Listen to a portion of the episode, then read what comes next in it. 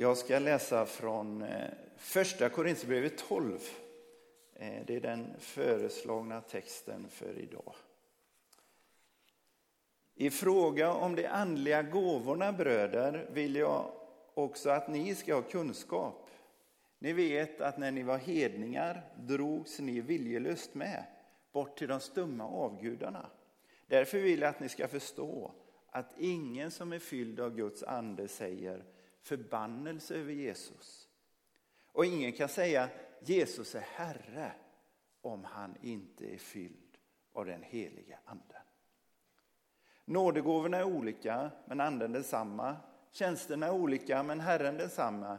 Verksamheten är olika, men Gud är densamme, han som verkar i allt och överallt. Hos var och en framträder anden så att den blir till nytta. Den ene får genom anden gåvan att meddela vishet. Den andra kan med samma andes hjälp meddela kunskap. En får tron genom anden, en annan genom samma ande gåvan att bota. En annan får kraft att göra under. En får förmågan att tala profetiskt, en annan att skilja mellan olika andar. En kan tala olika slags tungotal en annan kan tolka tungotal. Allt detta åstadkommer en och samma ande genom att fördela sina gåvor på var och en så som den själv vill. Det här skriver Paulus till killarna och tjejerna i Korint. För när det står bröder då menas det både män och kvinnor.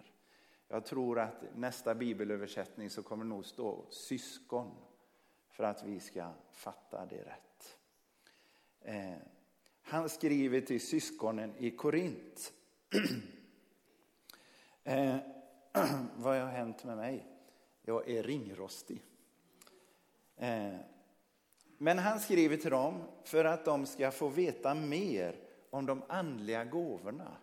Det som vi brukar kalla för nådegåvor. Och utifrån det Paulus berättar för dem i Korint så ska vi fundera lite på om vi kan få veta lite mer om vem är det som får nådegåvor? Vilka kriterier ska man uppfylla? Och för det andra, vad ska nådegåvorna vara bra för? Och det tredje, hur går det till att få dem? Så vi, vi kör direkt. Är ni kvar? Andligt, äh, mentalt menar jag, inte bara kroppsligt utan bra. Varför är det så här för mig? Så det första, vem får nådgåvor? Och kanske en underliggande fråga då, för nådgåvorna hänger ihop med den heliga ande. Gud hos oss här och nu. Alltså, vem har den heliga ande? Hur vet man det? Är det genom att man ser liksom särskilda andliga uttryck hos de människorna? Alltså att de profeterar, talar ord från Gud eller att de botar sjuka eller talar i tungar. Är det så man kan veta? Och om man inte ser sådana uttryck Beror det då på att även om man tror på Jesus så är man inte så andlig? Eller man kanske inte helt enkelt har den helige ande om det inte blir sådana uttryck i ens liv. Nej, säger Paulus. Så får ni inte tänka. För kanske hade de börjat tänka lite så i Korint. För sådana antaganden på liksom att du bara går efter vad du ser bygger inte på fakta utan det bygger på, på dina känslor och på förhastade slutsatser. Det är något annat som avgör, säger han. Man avgör inte om någon har den heliga ande utifrån synliga yttringar.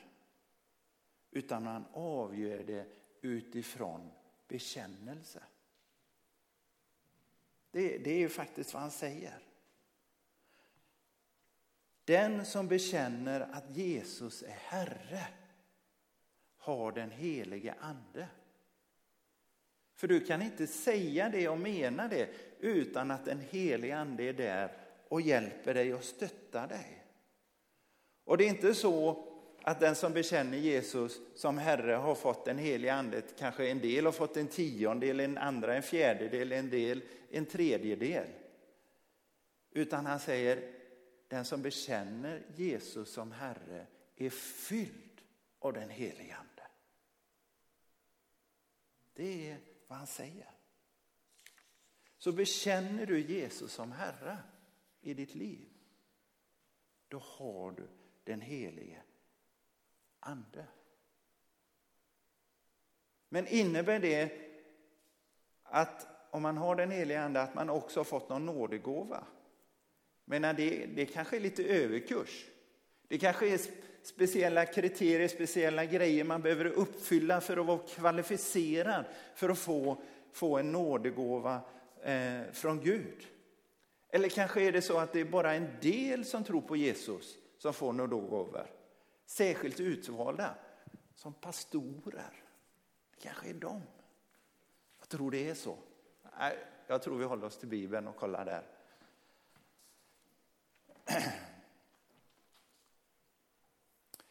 Alltså, ordet som vi som Bibeln översätter, nådegåva, det ordagrant så står det karisma eller charisma. Och eh, ni vet, vi har ju ordet karismatisk av det. Men vad betyder ordet charisma? Det finns 16 gånger i Nya Testamentet. Och, och 15 av dem eh, säger Paulus. Och det här ordet det var väldigt ovanligt att använda i grekiskan på den tiden. Nya testamentet är skrivet på grekiska. Och när vi översätter nådegåva så är det egentligen tårta på tårta. För alla riktiga gåvor ges ju av nåd, eller hur? Fritt och förintet. Annars är det ju ingen gåva. Om jag ger dig en burk honung, kommer jag inte göra, jag tar betalt, men om jag skulle göra det, om jag skulle göra det. Och så har jag en förväntan på att du då ska bjuda mig på en säck med äpplen för att jag har gett dig en burk honung. Då är det ju ingen gåva. Eller hur? Utan jag väntar mig ändå få en slags betalning. Så när det står nådegåva så är det liksom en, en, en fri gåva som är fri. Alltså det är tårta på tårta. Eh, men det, det vanligaste ordet för gåva på den här tiden i grekiskan det var dorea och det betyder fri gåva. Men det räcker inte för Paulus. Utan han, han vill verkligen understryka att, att gåvorna från Gud, nådegåvorna, de, de är verkligen fria, fritt och förintet. Och därför använder han ordet charisma som ordagrant betyder en gåva som ges av oförskylld godhet. När sa du oförskylld senast? Alltså det betyder att det är helt och hållet utan mottagarens förtjänst. Mottagaren hon har inte gjort någonting för att få den här gåvan.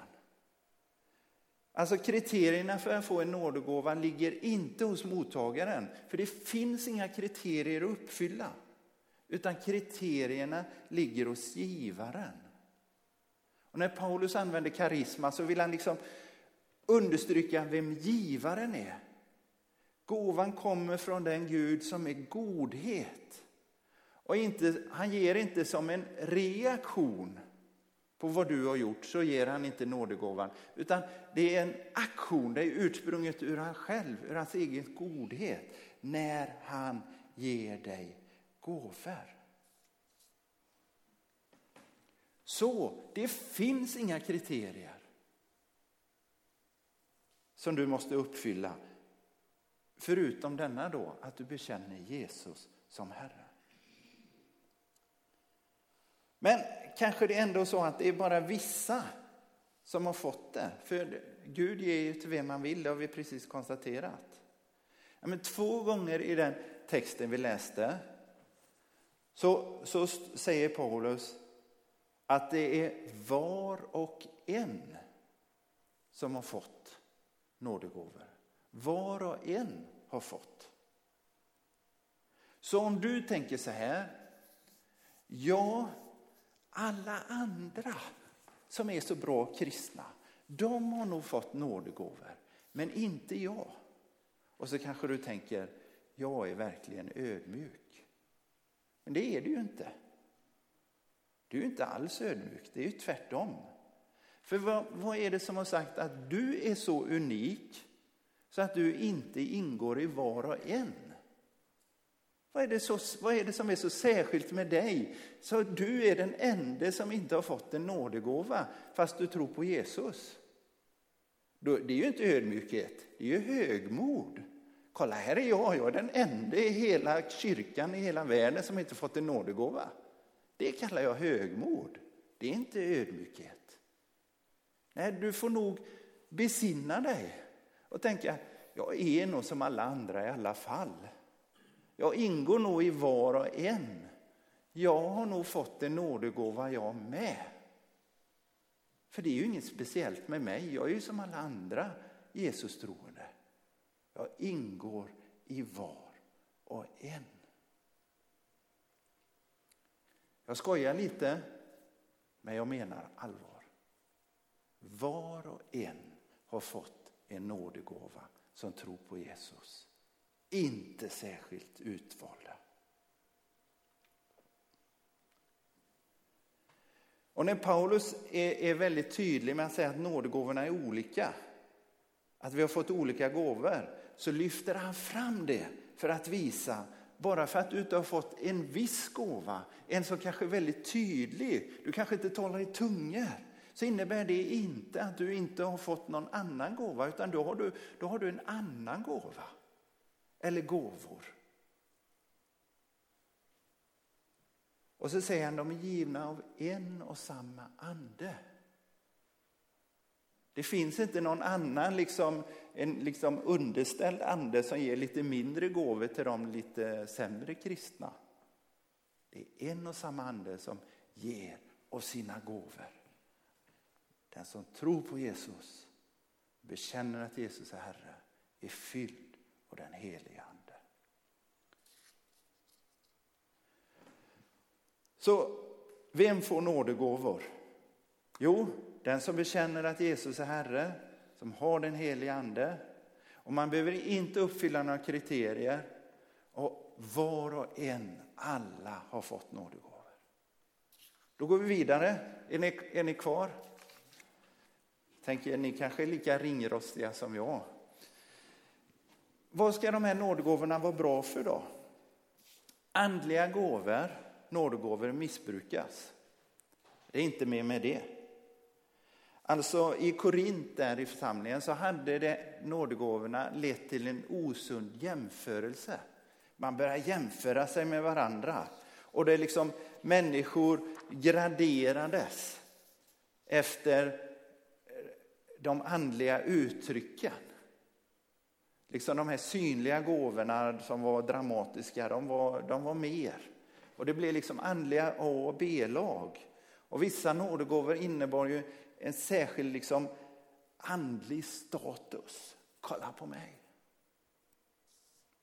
Och det kan vara likadant idag. Och det är ju så att många Jesus-troende känt sig säm som sämre kristna. Och kanske till och med tänkt, nej men jag har ju ingen nådegåva. Och, och särskilt om man inte har haft någon som har varit liksom mer synlig än den andra. Så för att stoppa missbruket så kanske vi inte ska prata om nådegåvor. Vi kanske inte ska försöka använda dem för att slippa missbruket. No. Hur tycker ni vi ska tänka om läkare? Finns det någon läkare här idag? Skönt. För jag måste erkänna att jag, jag har lite problem med läkare. Det är inte, det, jag blir ju imponerad.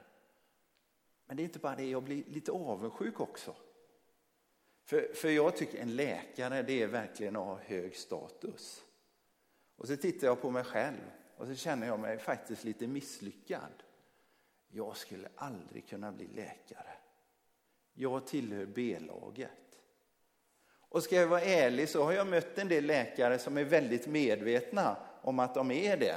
Som är väldigt medvetna om att de eh, har lite status. Och det, det hjälper ju liksom inte till. Så tycker jag att vi borde inte ha några läkare så jag ska slippa känna mig misslyckad. Ja, om läkaryrket var till för att ge vissa människor högre status än mig. Då tycker jag vi skulle lägga ner det. Men det är ju inte syftet, eller hur? Läkarna finns ju där för min skull. Jag är otroligt glad över att, även om jag är avundsjuk, är jag otroligt glad över att det finns läkare. För när jag blir sjuk så behöver jag dem. Det är samma sak med nådegåvorna. Vad är de bra för? Vad säger Paulus? Han säger hos var och en framträder anden så att den blir till nytta. Det är det de är till för. De är till för att göra nytta. I första Petrusbrevet står det tjäna varandra var och en med den nådegåva han har fått som goda förvaltare av Guds nåd i dess många former. Nådegåvorna är inte till för att ge andlig status, de är inte till för att dela in troende i A och B-lag. Utan de är till för att brukas på, det, på ett sådant sätt att de hjälper oss att leva. Så de hjälper oss att klara det här krångliga, svåra livet. Det är det de är till för. Vishetens gåva, kunskapens, tron, gåvan att bota, kraften att göra under, tala profetiskt, att skilja mellan olika andar, tala i tungor och tolka tungotal. De är till för att hjälpa oss att leva. Nu hinner jag inte gå igenom vad alla står för och så, men för att komprimera maximalt. Så de här gåvorna Paulus nämner, de handlar om att dels att förmedla gudagiven inspiration, uppmuntran, information från Gud. Och dels om att med Guds kraft förändra svåra situationer. Nådegåvorna handlar om att med Guds hjälp hjälpa andra. De är till för att göra nytta. Att göra trasigt till helt, att vara med och leda rätt med Guds hjälp. Nådegåvorna är bra för att hjälpa, de är till för att hjälpa varandra och andra. Så till sist, om jag bekänner Jesus, då är jag alltså en mottagare av nådegåvor. Hur ges de till mig? Hur ges de till mig då? Ja, Paulus avslutar det vi läste med att konstatera allt detta åstadkommer en och samma ande genom att fördela sina gåvor på var och en så som den själv vill. Alltså det är den helige ande som bestämmer och han har bestämt var och en. Men det, kan vara, det innebär liksom att jag har gåvor som inte du har och du har gåvor som inte jag har. Det, de, de är givna.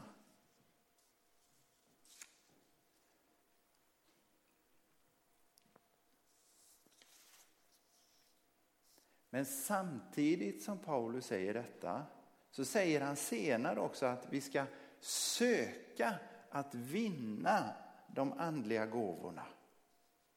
Alltså samtidigt som det är anden som fördelar dem, inte efter förtjänst, så ska vi faktiskt söka dem. Alltså de finns inte där automatiskt i funktion, utan de behöver upptäckas, de behöver brukas. Varför inte? För vi är inga marionetter. Du kan ju aldrig tvinga någon att ta emot en gåva. Då är det ju ingen gåva. Utan det är ju upp till dig om du vill ta emot den. Gud ger oss nådegåvor men han tvingar oss inte att öppna paketet. Att öppna paketet, det behöver jag göra. Och som e-, ett exempel, jag har sagt det förut men jag har inget annat. Eh, vad heter det? Som, som inte ger hela sanningen men en del av sanningen. Jag längtade efter att få tala i tungor. Och jag gick fram till förbön gång efter annan och ingenting hände. Ingenting hände. Tungotal är ju ett, ett, ett, oftast är det ett språk som ingen kan förstå. Eh, och jag tänkte, nej, jag tänkte väl att jag var unik. Alla andra, men inte jag. Eh, men så läste jag Apostlärningarna på pingstdagen. Och vad står det där? Jo, det står så här. Alla fylldes av helig ande och började tala andra tungomål med det ord som anden ingav dem. Vem gav orden? Den helige ande. Vem var det som talade? Den helige ande? Nej, det var ju dem. De talade med de ord som anden ingår. Och när jag fattade att aha, det är jag som ska prata med orden anden ger, då var det bara att börja. Hemma i farstun eller vad säga, men var jag nu var någonstans. Grejen var att jag ville ju att den helige ande skulle göra båda grejerna. Både ge mig paketet och öppna paketet. Så jag skulle kunna stå jämte och säga, kolla där, där är Peter, han talar i tungor. För då kunde jag ju vara säker på att det var rätt och inte var något jag hittade på. Det hade varit mycket smidigare. Men när jag förstod, jag får öppna paketet, jag får tala i tro, då var det bara att tala. Och ni ska veta att det var ingen himlastormande upplevelse. För mitt förstånd, och jag är ju väldigt förståndig, den sa Peter du är en idiot. För nu pratar du ord som ingen fattar. Du är en idiot. Nej, jag talar i tro. Du är en idiot. Nej, nu talar jag i tro. Och, och rätt, rätt taget då så tror jag själva grundprincipen gäller på alla gåvorna. Vi må pröva. Vi må pröva och blir det fel så gör inte det någonting. Och jag har sagt till Gud, jag, jag gör ju som du gör, är, är det här fel då? Det är ditt fel och inte mitt. Men det är väldigt bra, man kan faktiskt lägga över ansvaret på Gud. Då får du berätta, nu gör jag som du har sagt, så får du visa mig om det, om det är fel. Det kanske jag är helt dum så jag inte fattar det, men, men ändå. Vi behöver liksom gå i tro, våga ta steg. Det finns många fler nådegåvor än de Paulus räknar upp här just i första Korinthierbrevet 12. Men jag skulle vilja utmana de av oss som är missionare. Inte ekumenianer utan missionare, alltså vi har varit med länge. Eh, att kanske fundera just över de här gåvorna i första Korint 12. För vi tänker ofta, nej det är pingstvännerna som tar dem. Vi tar an gåvan att, att koka kaffe och städa och, och vara scoutledare och bygga kyrkor. Men, men det där får pingstvännerna göra. Så jag skulle vilja utmana oss. Kanske du skulle läsa de här när du kommer hem igen, för du har ju glömt av vilka det var. Läsa igen första Korinthierbrevet 12. Och så tänka, om, om jag tänker bort att jag är missionare, jag, tänker, jag är inte pingstvän heller, tänker man, utan jag tänker bort det. Jag är, jag är en som bekänner Jesus. Om det inte fanns några hinder, inga om, inget så här. Finns det någon av de här gåvorna som jag längtar efter? Att jag skulle vilja hjälpa andra genom att ge någon hälsning från Gud. Du, jag tror att Herren vill säga det här till dig. Eller jag skulle vilja be för någon som är sjuk så, så hon blir frisk. Säg då till Gud, den här gåvan längtar jag efter. Börja i hemlighet. Och, och, och, och liksom säg det. Och sen kanske börja praktisera lite i hemlighet. Tungotal kan man praktisera var man än är. Liksom. Det behöver du inte göra här. Eh, ska du be för sjuka så är det ju bra om den sjuke är där faktiskt. Men, men det går ändå. Men tänker du, ja, jag skulle vilja be för sjuka, men börja pröva. Eller pröva liksom just detta. Ja, men jag, jag fick en tanke, tror du, kan det vara så här? Alltså, jag skulle vilja utmana detta, eftersom du är missionare, att gör det i hemlighet. Gör det i hemlighet. Vi kan inte börja någon annanstans än där vi är. Och kanske be Gud, ge mig en längtan. Så att vi med Guds hjälp kan hjälpa varandra. Amen. Nu, nu ska vi sjunga psalm 45 innan vi går in i nattvardsfirandet.